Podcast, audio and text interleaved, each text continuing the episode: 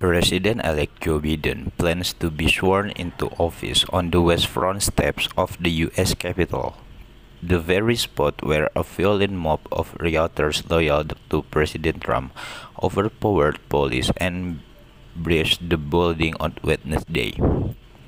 That's led to a growing concern about whether he'll be kept safe. Top national security experts and those involved in the planning the complex even insists that ample force will be present to protect Biden and everyone else at the inauguration. In the wake of the bloody insurrection following Trump's rally on the Mall, a bleak scenario has become a distinct possibility. Pro Trump militants disrupt the inauguration, as they, as they plan to do, and Trump attempts to help them by ordering officers and troops to send down and stop protecting Biden. Trump has refused to congratulate Biden on his win, and after finally offering a half-hearted concession on Thursday night, returned to inciteful rhetoric on Friday.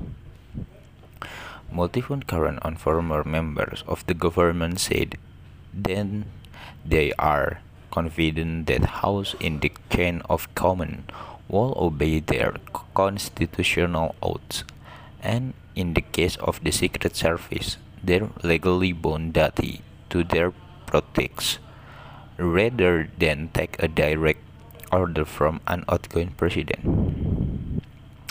Tim Gallagher, a former head of the FBI's Washington field office who helped plan security for the 2020 inauguration, said he couldn't discount the possibility that Trump's most extreme supporters might try to stop Biden's inauguration by force, or that Trump might support their efforts.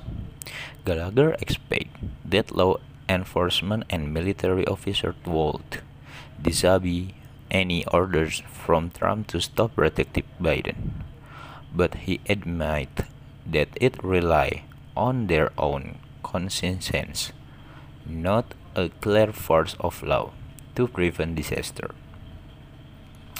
A seven foot metal fence has now been erected around the Capitol, a move that had already been planned for the inauguration but was done early after Wednesday's siege, and security officials are unsurprisingly retaken in discussing their plans to protect Operation Security but the bloody chaos within the U.S. Capitol on Wednesday appears not to have changed plans for the inauguration.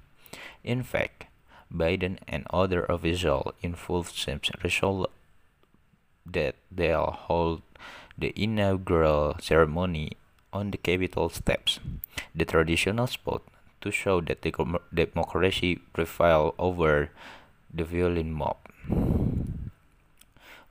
Biden said Wednesday that he's not concerned about my safety, security, or the inauguration.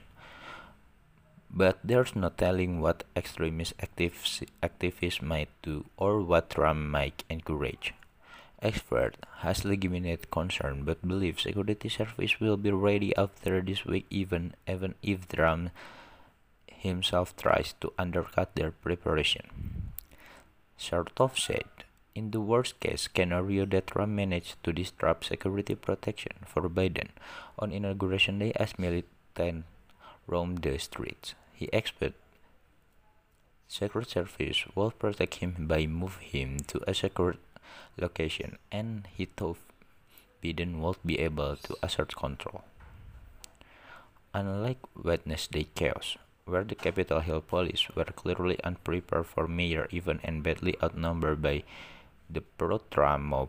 The inauguration is an officially designated national security special event involving meticulous planning and massive security operation with dozens of police, intelligence, and military officials.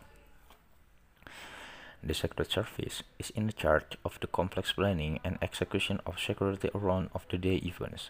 Under the auspices of the Department of Homeland Security, multiple agencies are involved in the preparation intelligence gathering and day of protection that is the FBI, US Capitol Police, District of Columbia Metropolitan Police, the US Park Police, and the Washington DC, Maryland, and Virginia National Guards.